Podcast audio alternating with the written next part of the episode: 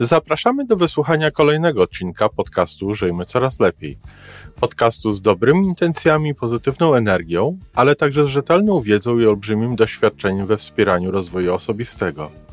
Chodzi nam o to, aby ludziom żyło się coraz lepiej, aby byli coraz bardziej spełnieni, radośni i szczęśliwi. A że sposobów na spełnione życie jest tyle, ile ludzi, więc każdy z nas musi znaleźć swój. Dzień dobry, kochani. Witam Was w piątkowej audycji, czyli audycji na e, temat różnego rodzaju przysłów, bonmotów i e, powiedzeń. Dziś chcę powiedzieć o powiedzeniu dość popularnym w Polsce, a może w tej chwili to jest to już rzadko stosowane, choć pewnie znajdują się tacy ludzie. Ja jeszcze słyszałam to w czasach e, swojej wczesnej młodości, czy takiego późnego dzieciństwa od mojej takiej cioci babci, czyli siostry mojej babci, bo moja babcia takich rzeczy mi nie mówiła. Ona była kobietą niespecjalnie wykształconą, w ogóle niewykształconą, ale mądrą, bo wykształcenie niekoniecznie e, musi być duże, żeby człowiek mógł być mądry. I babcia takich rzeczy mi nie mówiła. Może to dobrze, bo kto wie, gdzie byłabym dzisiaj. Chodzi mi o powiedzenie: stój w kącie, znajdą cię. I chcę się zastanowić nad tym, czy to powiedzenie jest prawdziwe, do jakiego stopnia prawdziwe i co ma do, do czynienia e, z dzisiejszymi czasami. I dlaczego też e, tak się mówi, a, a również do czego to w konsekwencji może prowadzić. Otóż stój w kącie, znajdą cię, e, ma na, zachęcać do pewnego rodzaju, no, takiego nie, prze, nie, nie, nie przesadzania ze swoją y, osobą, ze swoją wiedzą, do tego, aby się nie chwalić, do tego, aby się kolokwialnie rzecz mówiąc y, nie wychylać, żeby nie wychylać się ponad innych, żeby no, nie, nie pokazywać, że y, dużo się wie, że dużo się potrafi, y, że jest się w ogóle kimś no, wyposażonym w różnego rodzaju talenty. No, szkoda, że jest to słowo kąt, bo gdyby to było tylko tak, że nie, nie ma potrzeby e, wywyższać się ponad innych, tak? Gdyby chodziło tylko o skromność, bo skromność to tak w zasadzie to jest niewywyższanie się ponad innych. E, to ja bym się z tym zgodziła, dlatego ja, że ja też uważam, że nie można nie warto wywyższać się ponad innych. E, prawdziwa wielkość i prawdziwa świadomość tego, e, kim się jest, łączy się nieodłącznie, łączy się nieodłącznie masło maślane, czyli pleon, pleonazm.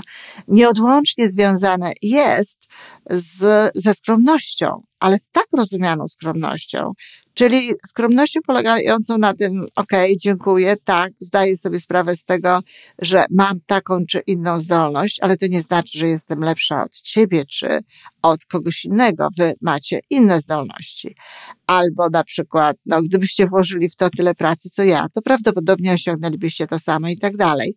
Niekoniecznie trzeba to mówić, ale skromny człowiek tak czuje. Skromny człowiek nie czuje, żeby był lepszy od innych i w tym wszystkim tak naprawdę zasadza się istota tego słowa. Natomiast tu jest powiedzenie stój w kącie, czy nawet sieć w kącie, bo oryginalna wersja jest sieć w kącie, dlatego że stało się w kącie, no, za karę a siedziało się w kącie wtedy, kiedy się mm, w nim chowało, kiedy się w nim e, kryło.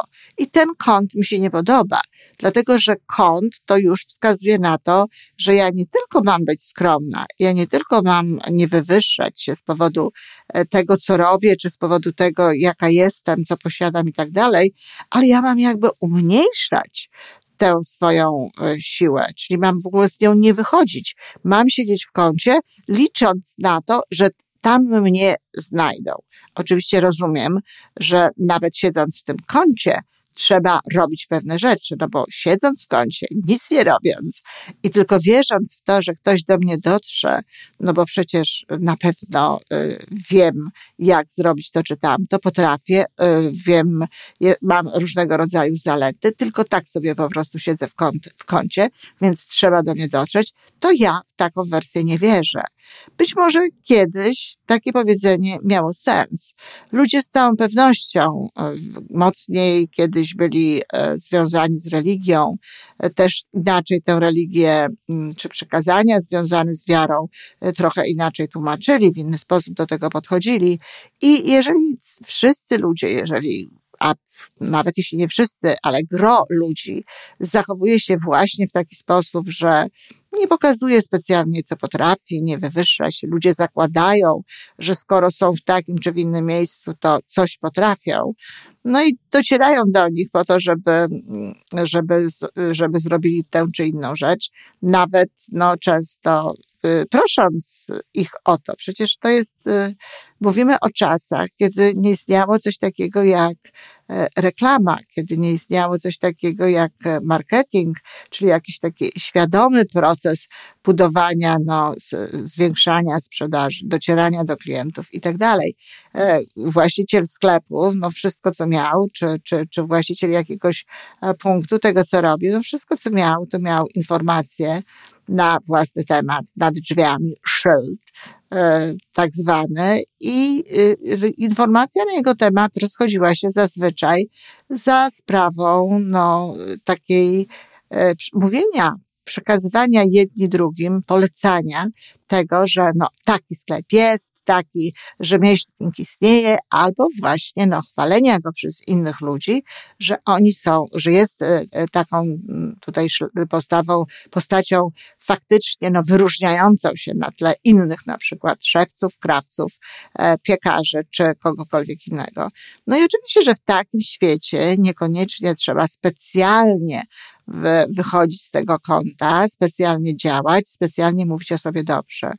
I oczywiste jest również to, że w takim świecie no, poczucie własnej wartości, a zwłaszcza sama ocena jako ta część poczucia własnej wartości, nie musiała być specjalnie wysoka, dlatego że no, nie, nie, nie było y, tych y, ciągłych szkół, szkoleń, nie było właśnie jakiejś takiej bardzo silnej konkurencji i to takiej konkurencji aktywnej, czyli takiej konkurencji, która no, mówi owszem o sobie dobrze, nie siedzi w kącie, tylko wykonuje cały szereg e, rzeczy, żeby dotrzeć do tych klientów. No, ja już pomijam w ogóle tutaj jakieś elementy nieuczciwe. Ja mówię tylko i wyłącznie o takim uczciwym działaniu. Dziś na rynku jest bardzo dużo ludzi, którzy są znakomici.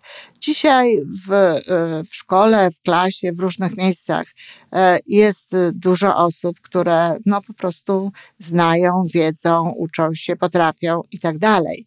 I w związku z tym, no, nie czekamy tylko na to, żeby ktoś inny sprawdził, czy naszą wiedzę, czy nasze umiejętności i dotarł do nas, ale my z tym wychodzimy.